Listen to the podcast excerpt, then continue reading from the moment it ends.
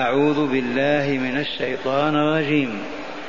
ما كان الله ليذر المؤمنين على ما أنتم عليه حتى يميز الخبيث من الطيب.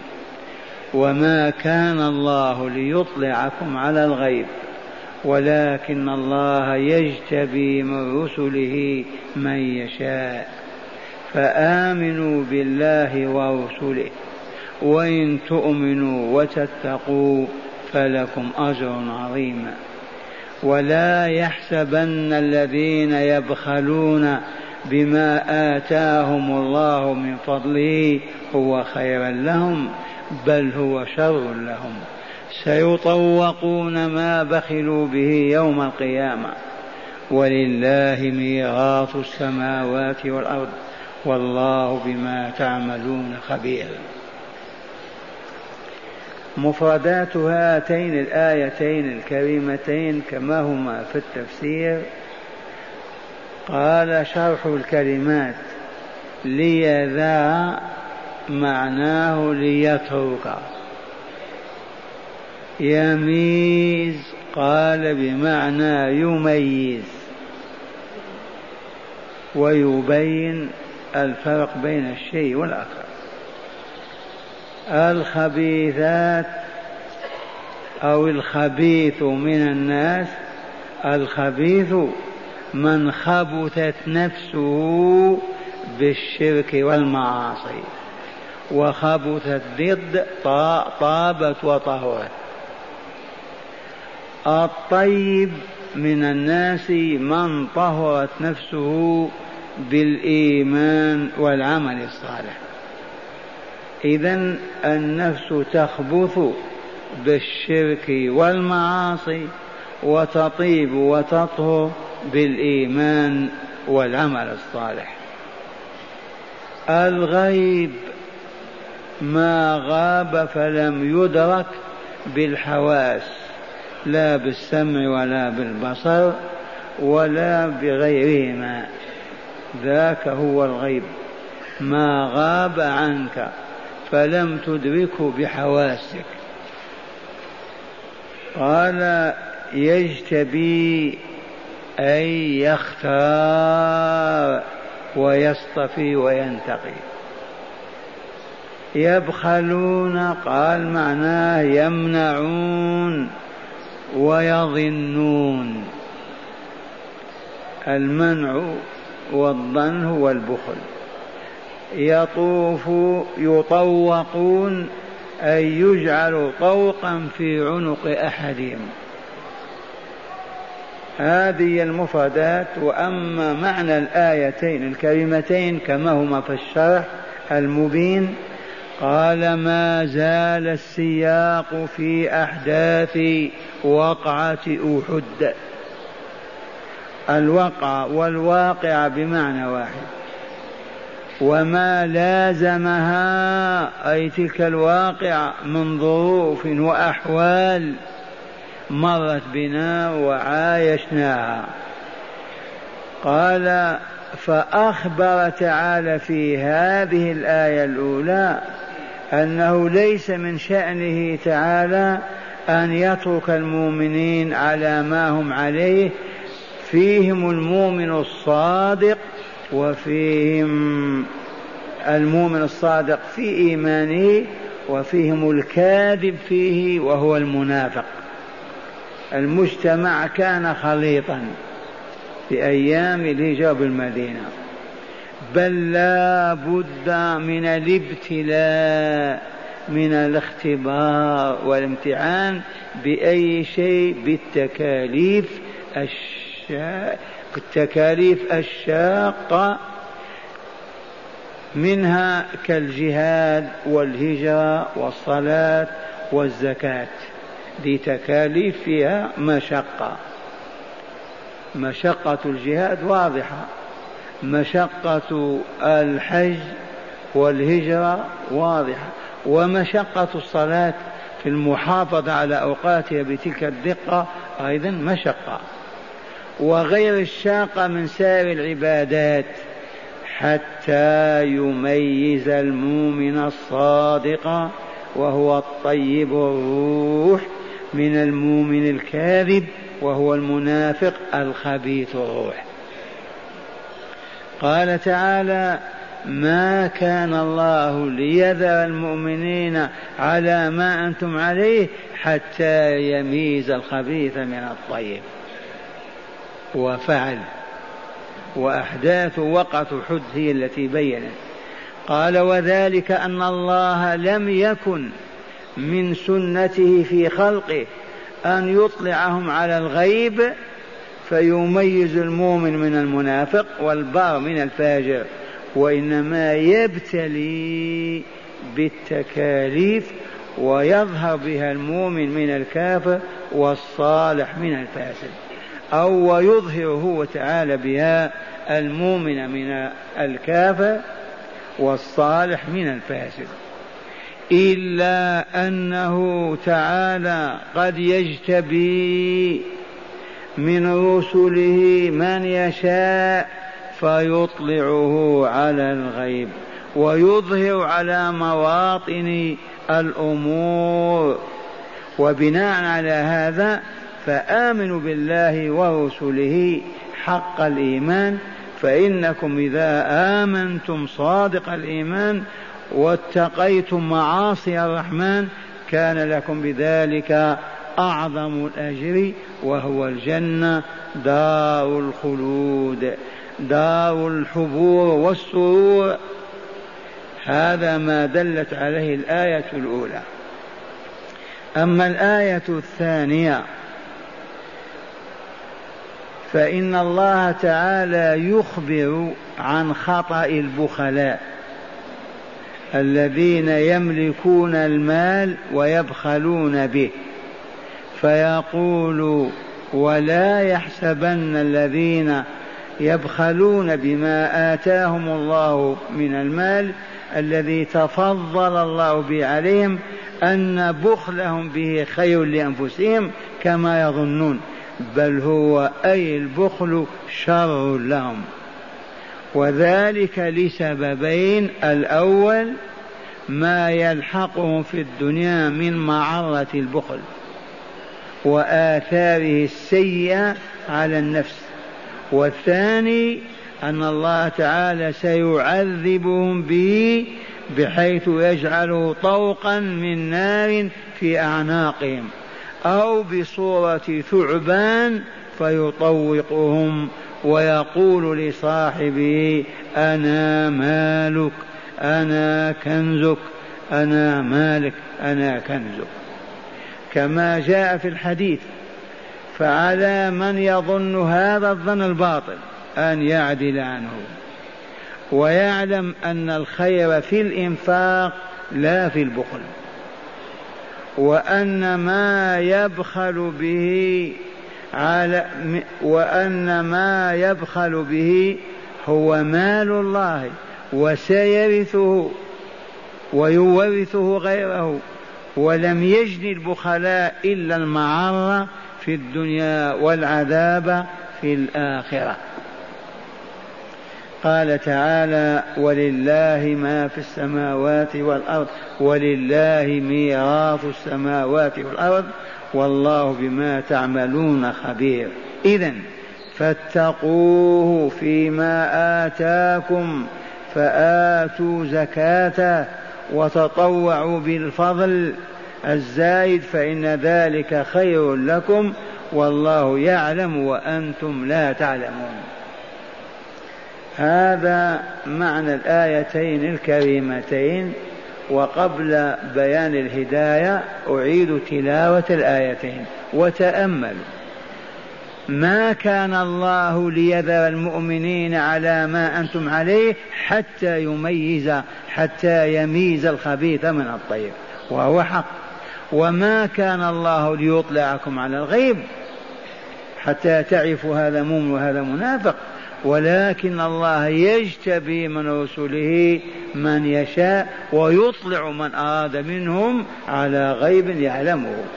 أما غير الرسل فلا حظ له في هذا. إذا فآمنوا بالله ورسله. خلاصة هذه إذا آمنوا بالله ورسوله ثانيا وإن تؤمنوا وتتقوا فلكم أجر عظيم الجنة دار الحبور والسرور. اللهم اجعلنا من أهل ولا يحسبن الذين يبخلون بما آتاهم الله من فضله هو خير لهم بل هو شر لهم. وبين تعالى قال سيطوقون ما بخلوا بيوم القيامة. ولله ميراث السماوات والأرض. والله بما تعملون خبير. هاتان الآيتان الكريمتان تحملان هدايات ربانية. اللهم عرفنا بها واجعلنا من المهتدين بها. أولا من حكم التكليف إظهار المؤمن الصادق من المؤمن الكاذب. والله لكذلك التكليف له حكم ليست حكمة واحدة. لكن من حكمه أن يظهر المؤمن بحق والمؤمن المزيف الكاذب. واضح هذا المعنى ولا لا؟ لولا فرضية الصلاة خمس أوقات فالأربع وعشرين ساعة. وأن من تركها كفر. لولا هذا التكليف الجزئي كيف نعرف من البار من الفاجر والتقي من الف... من الآثم؟ كيف نعرف المؤمن الكافر؟ لكي نعرف إذا فرض الله هذه الصلاة ليميز. كيف نعرف المبذال المنفاق المتصدق من البخيل؟ لولا أن الله فرض الزكاة. وفرض أيضا النفقات في أوقاتها. فلا بد وأن يتميز البخيل من المنفق السخي إذا من حكم التكليف الذي هو عبادة ألزمنا الله بها سواء بفعل ما نفعل أو بترك ما نترك. ثانيا استئثار الرب تعالى. استئثاره اختصاصه دون غيره بعلم الغيب دون خلقه. اللهم إلا ما يطلع عليه رسله لحكمة اقتضت ذلك. من الذي استأثر بالغيب فلا يعلمه إلا هو؟ سيدي فلان. ماذا تعرفون؟ استحيتم. شككتم. من الذي استأثر بالغيب واختص به؟ الله جل جلاله وعظم سلطانه. أما قال تعالى وقوله الحق وما كان الله ليطلعكم على الغيب؟ أيكذب الله؟ ويقول ليس من شأني أن أطلعكم على الغيب. فلهذا بالأمس قررنا أن الذي يدعي علم الغيب كافر وطاغوت ويجب قتله بعد استتابته ثلاثة أيام بإجماع الأمة. وذكرنا لطيفة لو كنت يا عبد الله تستحي من الله وتخجل لو اطلعت على غيب تستحي أن تطلع الناس عليه. لأن الله ستره غطاه ولا لا؟ ولم يطلع عليه غيره. لماذا؟ لتنتظم الحياة وتواصل مسيرة إلى نهايتها. فلو كنا نطلع على الغيب وقفت الحياة. الذين عزموا الليل على السفر أكثر من مليون شخص. لو عرفوا ما يصيبهم وقف السفر. هذه اللطيفة نسيناها. وقلت لك إن أباك إن أخاك إن محبك تراه يكتم شيئا ويخفيه. وتطلع عليه هذا خير هذا هذا أدب. هذه زلة وسقطة ولا يفعلها ذو عقل. بل تساعد على ستر ذلك وتغطيته. إن كنت الرشيد الحكيم. وقد إدعى الغيب وما زال منا رجال ونساء بمئات الآلاف في العالم الإسلامي يدعون الغيب ويأتون إلى بيوتهم ويقدمون لهم المال ليطلعوهم على كذا وكذا وكذا. والله إلى الآن والسبب ما هو؟ جهل عاشوا في الظلام وماتوا وبقوا في الظلام. هل حضروا هذه المجالس وعرفوا والله ما عرفوها. ثالثا ثمن الجنة. يا من يريد أن يشتري دارا في الجنة يا من يرغب في بستان في الجنة. أكبر من هذه الأرض عشرين مرة. ما ما فينا أحد. أنا الدلال الحراج بسم الله تعالى. أيها المستمعون أيتها المستمعات من يرغب فيكم في دار في الملكوت الأعلى؟ ما ما في نشاط. ما, ما أنتم في حاجة إلى هذا. قل يا شيخ هذا أمر مفروغ منه. كلنا راغب. كلنا طالب كلنا عامل وإلا ما حضرنا في هذا المجلس. هذا الجواب. اذا الثمن الإيمان وتقوى الرحمن. الإيمان وتقوى الرحمن. هذا من هداية أية آية؟ أما قال تعالى وإن تؤمنوا وتتقوا فلكم أجر عظيم. هذا الأجر عند الله ماذا؟ في الدنيا يعني بعير. الأجر العظيم بمعنى كلمة أين يتم؟ في الملكوت الأعلى الجنة دار السلام. إذا لطيفة أخرى. حضر البارحة مجموعة من الطلبة عندنا في البيت اليوم سألناهم ولا شيء. فقلت إذا كل المستمعين هكذا الشيخ ينبح فقط كالكليب والقلوب شاردة كيف هذا قرناه بالأمس ما؟ لا إله إلا الله. أطرح السؤال وإلا لا؟ يا أهل الدرس اسكتوا لا حق لكم في أن تجيبوا. أنا مع الزائرين الكرام. من منكم يرغب في أن يكون وليا لله إذا سأل الله أعطاه؟ من يرغب أن يكون وليا لله. أفضل من سيدي عبد القادر وسيدي عيدروس وفلان وفلان. لسان الحال يقول ما نرغب. كيف ما ترغب؟ إن لم تكن وليا لله فأنت ولي للشيطان عدو. الله ما هناك وسط البارح قلنا هذا؟ لا تقول لا, أنا ما أنا بولي الله ولا بولي الشيطان. مستحيل. إما أن تولي الله أو تولي الشيطان. يعني إما أن تطيع الله فأنت وليه أو تطيع الشيطان فأنت وليه الشيطان يأمر وينهى وإلا لا؟ يأمر وينهى. فمن استجاب له إذا هو ولي الشيطان. يا من يرغب في أن يصبح وليا لله يقوم ورفع يده أنت تريد؟ أبشر. آمن واتقي. آمن بماذا؟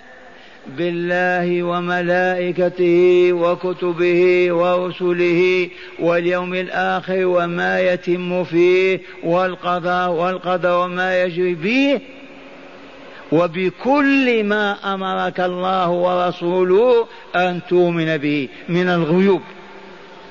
هذا الإيمان.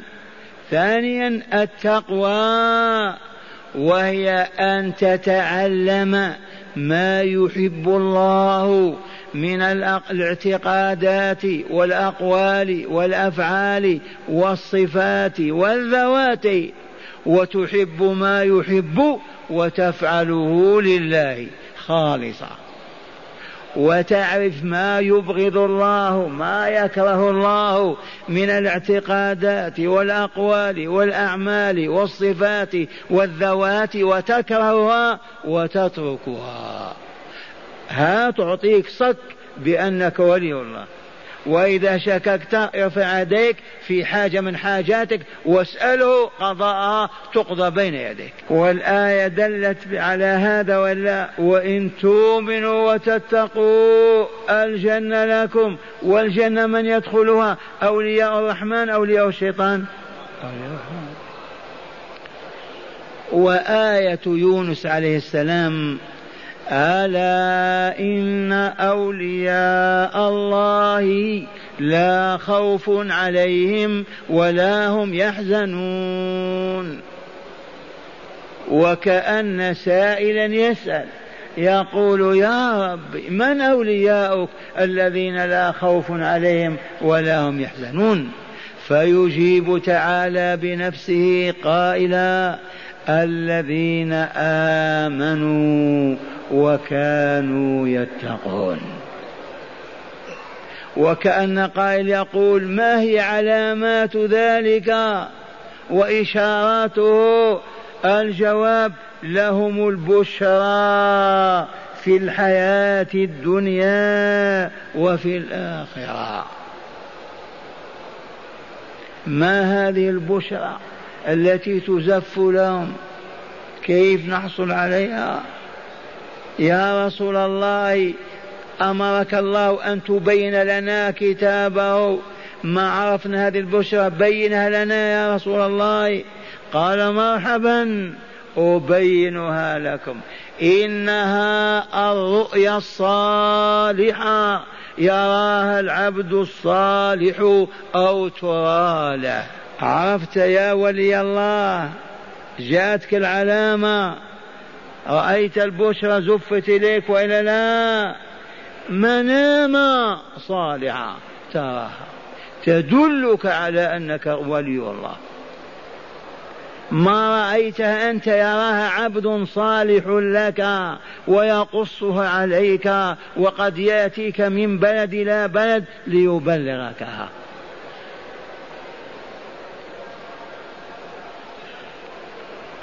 الآن عرفتم هذه ولا لا؟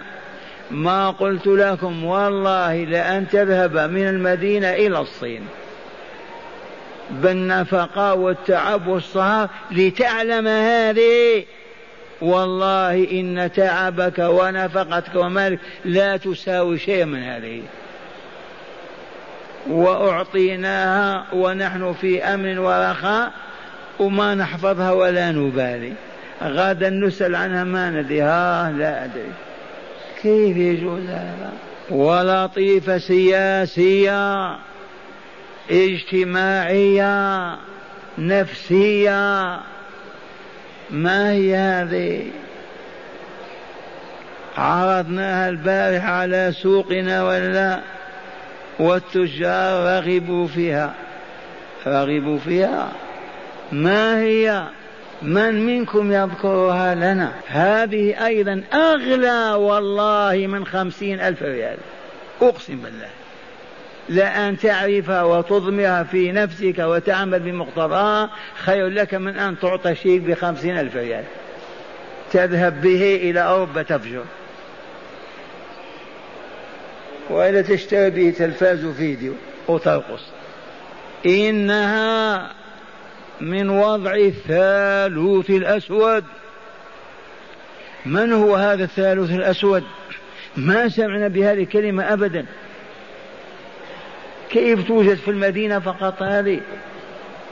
ما الثالوث الأسود؟ المجوس واليهود والنصارى. وسبب تحولهم إلى ثعبان أسود أن المجوس من يوم أن سقط عرش كسرى وأعطاه عمر سراق بن جعشم وألبسه على رأسه تنفيذا لبشرى النبي صلى الله عليه وسلم. تكون حزب وطني يعمل في الظلام للانتقام من الإسلام. برهن يا شيخ دلل من أين لك هذا؟ الجواب من قتل عمر بن الخطاب في محراب رسول الله؟ آه. من؟ أبو لؤلؤ المجوسي أو العربي؟ المشرك أبو لؤلؤ المجوسي في برهن أكثر من هذه. اليهود ما إن أيسوا من حصول على خير في هذه الديار لأنهم نزحوا من الشام على أمل أن النبي الخاتم نبي آخر الزمان إذا ظهر بين جبال فاران وهاجر إلى المدينة ذات السبخة والنخيل. هذا عندهم في التوراة هذه الصفات محفوظة كما نحفظ نحن قل هو الله أحد. فمن الضغط والتعذيب الذي يتلقونه من الروم والرومان نزحت طائفة منهم انتظارا للنبوة وهروبا من التعذيب. إذ كان النصارى يحرقون لا لا يقلون اليهود في الزيت. يوجد قدر كبير ولا لا؟ يوضع فيه البعير. يضعون فيه اليهودي وهم فرحون صدور منشرعة لماذا؟ قاتل ربنا هذا. صلب إلهنا. ذاك الفهم الهابط. إلهك يقتل انظر إلى أين تصل البشرية. إذا فقدت نور الله عز وجل. سبحان الله. اليهود هم الذين صلبوا المسيح وقتلوه. فكيف إذا المسيح يرضى عن يهودي؟ وهو قد قاتل وصلب إلهه. أنت الآن لو أن شخص يقال أراد أن يقتل نبيه تنظر إليه؟ إذا اليهود لما قال الرسول لا يجتمع دينان في الجزيرة أخرجهم يا عمر. إذا حاملوا الغيظ والتغير. ما في فائدة في هذا. هذا سوف إذا تركناه يدخل اليهود كلهم في الإسلام. وفاتنا كل شيء وفقدنا وجودنا. نعلن الحرب على الإسلام. وبدأوا حاولوا قتل النبي ثلاث مرات. عرفتم؟ إذا فمن ثم اليهود بحثوا عن من يتعاونون معه. وجدوا الحزب المجوسي.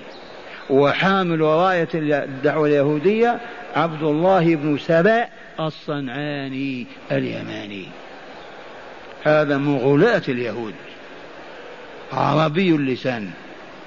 فاحتضن الحزب الوطني المجوسي وعمل.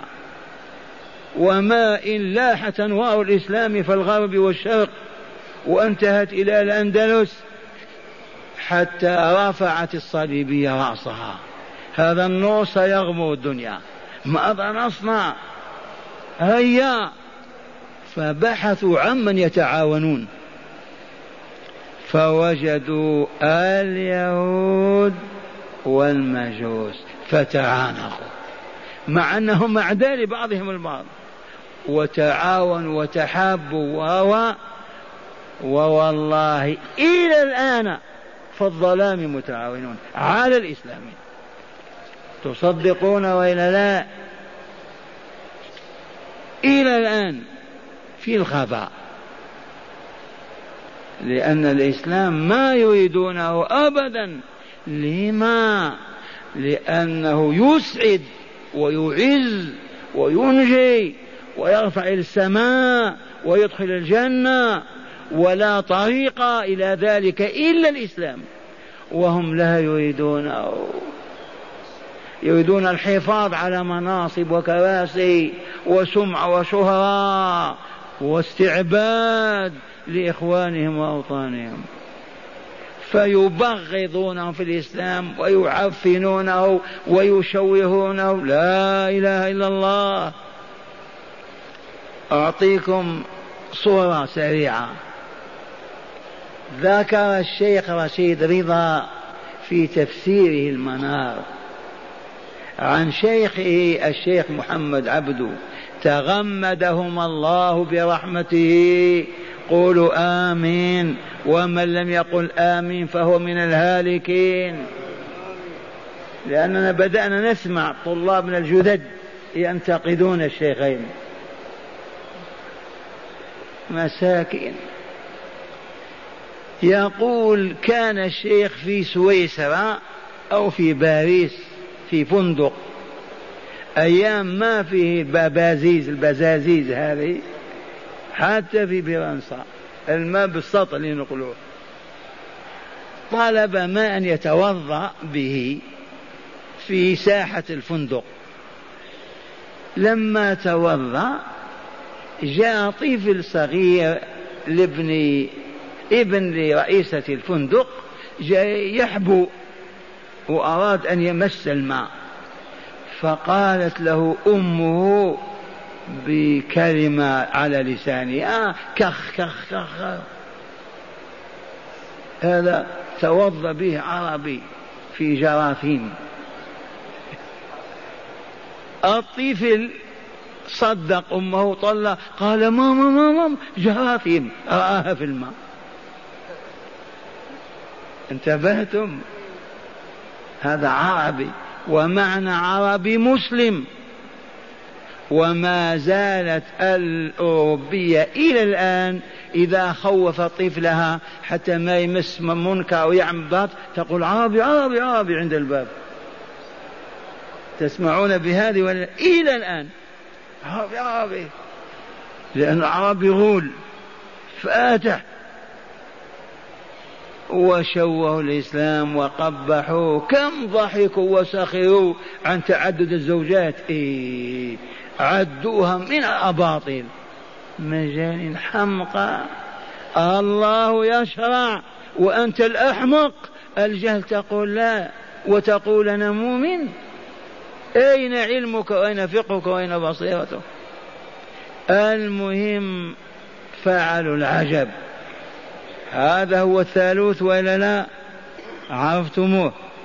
أو ما أنتم واثقون؟ سوف تعرفون. هذا الثالوث من كيده ومكره لما عجز في ميادين المعارك والجهاد والدماء. قال إذا نبحث عن طريقة إطفاء هذا النور لا بقوة السلاح. ما نقوى عليهم؟ فشلوا في كل معركة طيلة ثلاثمائة سنة. ماذا نصنع؟ قالوا نبحث عن سبب هذه القوة. عن سبب هذا النور هذه الآية فوجدوا ذلك في اثنين. الأول في القرآن الكريم. ما ارتفعت هذه الأمة ولا سامت ولا سادت إلا بنور القرآن. هيا نصرفهم عنه. أستطاعوا أن يحولوا القرآن والله إلى المقابر. لا إله إلا الله يدك على رأسك. القرآن يقع على الموتى. يا أبناء الإسلام ارفعوا رؤوسكم. لما تضع ميتا بين يديه تقع القرآن بكامل يقوم يصلي. يقول أستغفر الله ويتوب. يعترف بحقوق الناس. ما الذي يفيده؟ أجيبوا فقط توبخونه. لما ما فعلت ولما ما فعلت. وانتشرت الخطة. وأصبح العالم الإسلامي عرب وعجم. إذا مات الميت عشاء القبر. لا بد ضروري ويجمعون أهل القرآن أهل القرآن لا يملكون شيئا لا وظيفة ولا ولا. ضيعوا أوقاتهم في حفظه لأجل هذا القوت. لا أقل ولا أكثر. فيستدعونهم في بعض الأموات ليلة واحدة إذا كان فقير. ثلاث ليالي سبعة إلى واحد وعشرين إذا كان الهالك ذا ثروة وغنى ومال تذهب إلى المقبرة عند باب المقبرة عمي كم تريد نقرأ عليك؟ كم صورة؟ عشر ريال. يجلس على قبر ويقرأ هذا هو القرآن.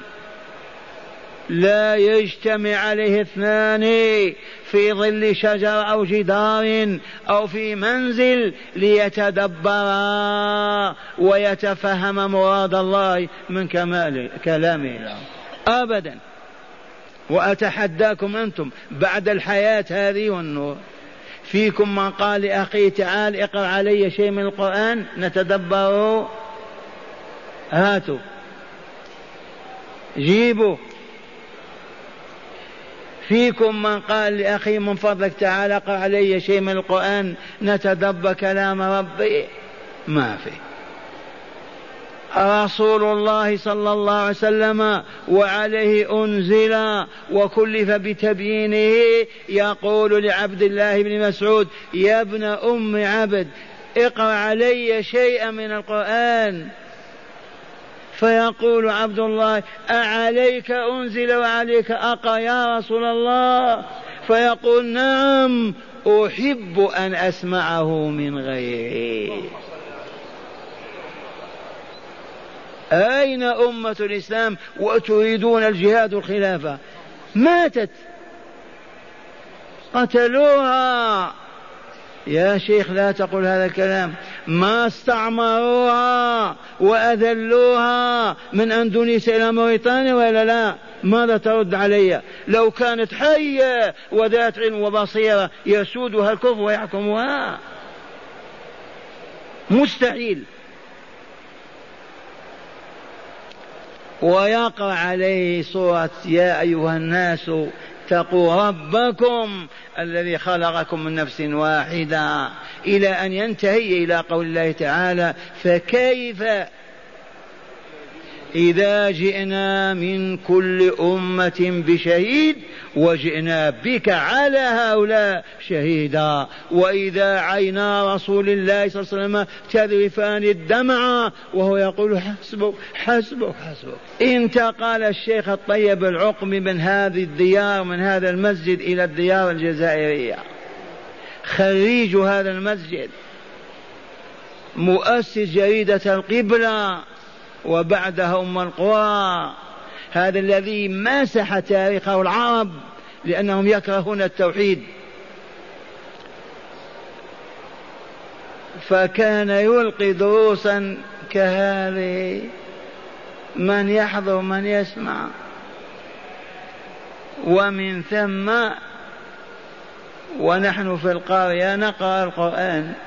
جاء عام يشتغل في المينا السواد الأزرق صعب المينا. ما يعرف الأليف من الباء. يجلسني وأنا طفل كهذا يقول اقرأ علي أبو بكر شيء من القرآن. ويغمض عينيه ودل راسه وأنا نقرأ. عجب. العقبي حدثهم بحديث رسول الله. هذا الوحيد الذي يطلب منا أن نقرأ عليه القرآن. واضح هذا الكلام ولا لا؟ أعرضت هذه الأمة عن القرآن إعراضا كاملا. ماتت. والثانية والتي نريدها الولاية ولاية الله تعالى حصروها في الأموات. حصروا الولاية في الأموات لا في الأحياء. وقد قلت لكم وإلى الآن لولا هذه الدعوة التي انتشرت من هذا المسجد تذهب إلى القاهرة إلى دمشق إلى بغداد إلى كراتشي إلى اسطنبول إلى مراكش إلى تونس.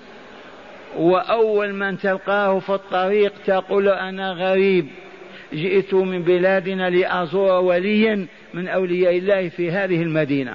والله ما يأخذ بيدك إلا إلى ضريح. ولا يفهم أن تلك العاصمة ذات المليونين والثلاثة فيها ولي حي. هذا قررناه أمس ولا لا؟ كيف ننسى هذا وما نفهمه؟ لماذا هذا؟ ما العلة؟ ما السر في حصر الولاية في الأموات؟ من يجيبني؟ ما عندنا أحد. لما؟ كيف الولاية نحصرها في الموت فقط والأحياء لا؟ أجيب وإلا فهمتم. أنا جربت الطلاب الليلة عرفت ما كلامنا ما فهموه. حصروا الولاية في الأموات وسلبوها الأحياء ليصبح المؤمن يزني بمرة المؤمن. موجود هذا ولا نواهم أيزني المؤمنون بنساء بعضهم بعض وإلا لا؟ لا ما في زنا. والله لا يزنون. لو كان يعرف أن هذا ولي الله يزني بامرأته يفسدها عليه. ونحن نراه إذا مر بقبر الولي ترتعد فرائصه. كيف يزني بمرة ولي؟ يأكل أموال بعضهم بعضا ولا لا؟ لو عرف أنه ولي يسلب ماله يحتال عليه يأكل بالغش أو بالكذب؟ والله ما كان. لو اعتقد أنه ولي يسبه يشتمه. سمعتم جماعة جالسين ينقضون عبد القادر أو ولي ويسبونه؟ مستحيل. مجالسنا كلها غيبة ونميمة وسب وشتم لأنهم ما عرفوا من هم أولياء الله. إنا لله وإنا إليه راجعون. هذا من فعل الثالوث الأسود. وما زال يفعل. العجائب. أعطيكم صورة وإلا لا؟ هل كان يعقل بين العرب الجهال أن يسمح الفحل لامرأة أن تنظر إلى رجل وهو يرقص أمامها؟ أتحداكم. ائتوني برجال تسعين سنة وثمانين يخبركم. هات. نحن ما نحن. والله ما نرضى أن تسمع صوت امرأتي أنت وأنت العبد الصالح. أتألم؟ ما أستطيع أبدا. فكيف إذا بامرأتك وهذا الغني يرقص في التلفاز وأنت تضحك وهي؟ هبوط هذا وإلا ماذا؟ هذه الغيرة من مسحها؟ الثالوث. هذا مجرد مثال فقط. يبعث امرأته تشتغل في البنك الفلاني في الدار الفلانية. تبهتم وتصافح العمال لا الموظفين. هذا كان يقع في بال إنسان آدمي. والآن واقع ولا لا؟ واقع ما حصلنا عليه. نبكي الليل النهار. آه لو أجد وظيفة لامرأتي من فعل هذا؟ الثالوث الأسود. ما زال يفعل قال ثالثا ثمن الجنة الإيمان والتقوى وهما مفتاح الولاية. بهما تدخل ولاية الله. رابعا البخل بالمال شر لصاحبه وليس بخير له كما يظن البخلاء. البخل بالمال وهو منع حقوق الله منه والحفاظ عليه صاحب يظن أن هذا خير له. والله لشر وقد قال تعالى هذا وإلا بل هو شر لهم. من يرد على الله العليم الحكيم؟ قال خامسا من أوتي مالا ومنع حق الله فيه عذب به يوم القيامة. عذب به يوم القيامة. دلت على ذلك هذه الآية. هذه الآية سيطوقون ما بخلوا به يوم القيامة. وآية سورة التوبة وهي قول الله تعالى والذين يكنزون الذهب والفضة ولا ينفقونها في سبيل الله فبشرهم بعذاب أليم. متى؟ يوم يحمى عليها في نار جهنم فتكوى بها جباههم وجنوبهم وظهورهم ويقال لهم هذا ما كنزتم لأنفسكم فذوقوا ما كنتم تكنزون هذه الآية يا معاشر المؤمنين هي التي جاهزت غزاة النبي محمد صلى الله عليه وسلم وأصحابه حتى شرقوا وغربوا. ما كان ميزانية ولا مال ولا ولا ولكن هذه الآية فقط يخرجون بأموالهم. تذكرون أن أبا بكر خرج بماله في دعوة. خرج عمر بنصف ماله والحمد لله خرجنا بنصف المال مرة من مرات. كانت دعوة الجهاد في الجزائر الجهاد لأنه قتال كفار فرنسا. وحكومتنا الرشيدة فتحت الأبواب أصبحنا نجمع المال من باب السلام إلى باب المجيد. كل جمعة ضريبة على الطلاب في مدارس الابتدائية والمتوسطة ريال على كل طالب. انتبهتم؟ إذا وجاء الجمع فكان عندنا أربعمائة ريال. خرجنا بنصفها. قلنا نجرب. مئتين ريال. أيام كان راتب الأستاذ ثمانين ريال. في الابتدائي يعني. الحمد لله. والشاهد عندنا لتفهموا أنهم كانوا ما عندهم بيوت أموال ولا ولا ولا. إذا نادى إمام المسلمين الجهاد المال يخرجون من بيوتهم بأموالهم. يقرؤون هذه الآية. الذين يكنزون الذهب والفضة ولا ينفقونها في سبيل الله فبشرهم بعذاب أليم. يوم يحمى عليها في نار جهنم فتكوى بها جهوب. جباههم وجنوبهم وظهورهم ويقال لهم هذا ما كنزتم لأنفسكم فذوقوا ما كنتم تكنزون قال ولحديث البخاري رحمه الله ماذا قال؟ يقول صلى الله عليه وسلم من آتاه الله مالا مالا كثير وقليل. تنكير هذه. من آتى الله مالا فلم يؤد زكاته. الرسمية السنوية. فلم يؤد زكاته مثل له شجاعا أقرع. والعياذ بالله ثعبان شجاع أقرع. لأن الحي القرع هذه كلها سم وسمها سمها قاتل. أهل البادية يعرفونها تبهتم شجاعا أقرع. قال له زبيبتان يطوقه يوم القيامة فيأخذ بشدقيه ويقول له أنا مالك أنا كنزك أنا مالك أنا كنزك وهو يعذبه. ملايين السنين. ثم قرأ الرسول صلى الله عليه وسلم هذه الآية ولا يحسبن الذين يبخلون بما آتاهم الله من فضله هو خير لهم بل هو شر لهم. سيطوقون ما بخلوا به يوم القيامة.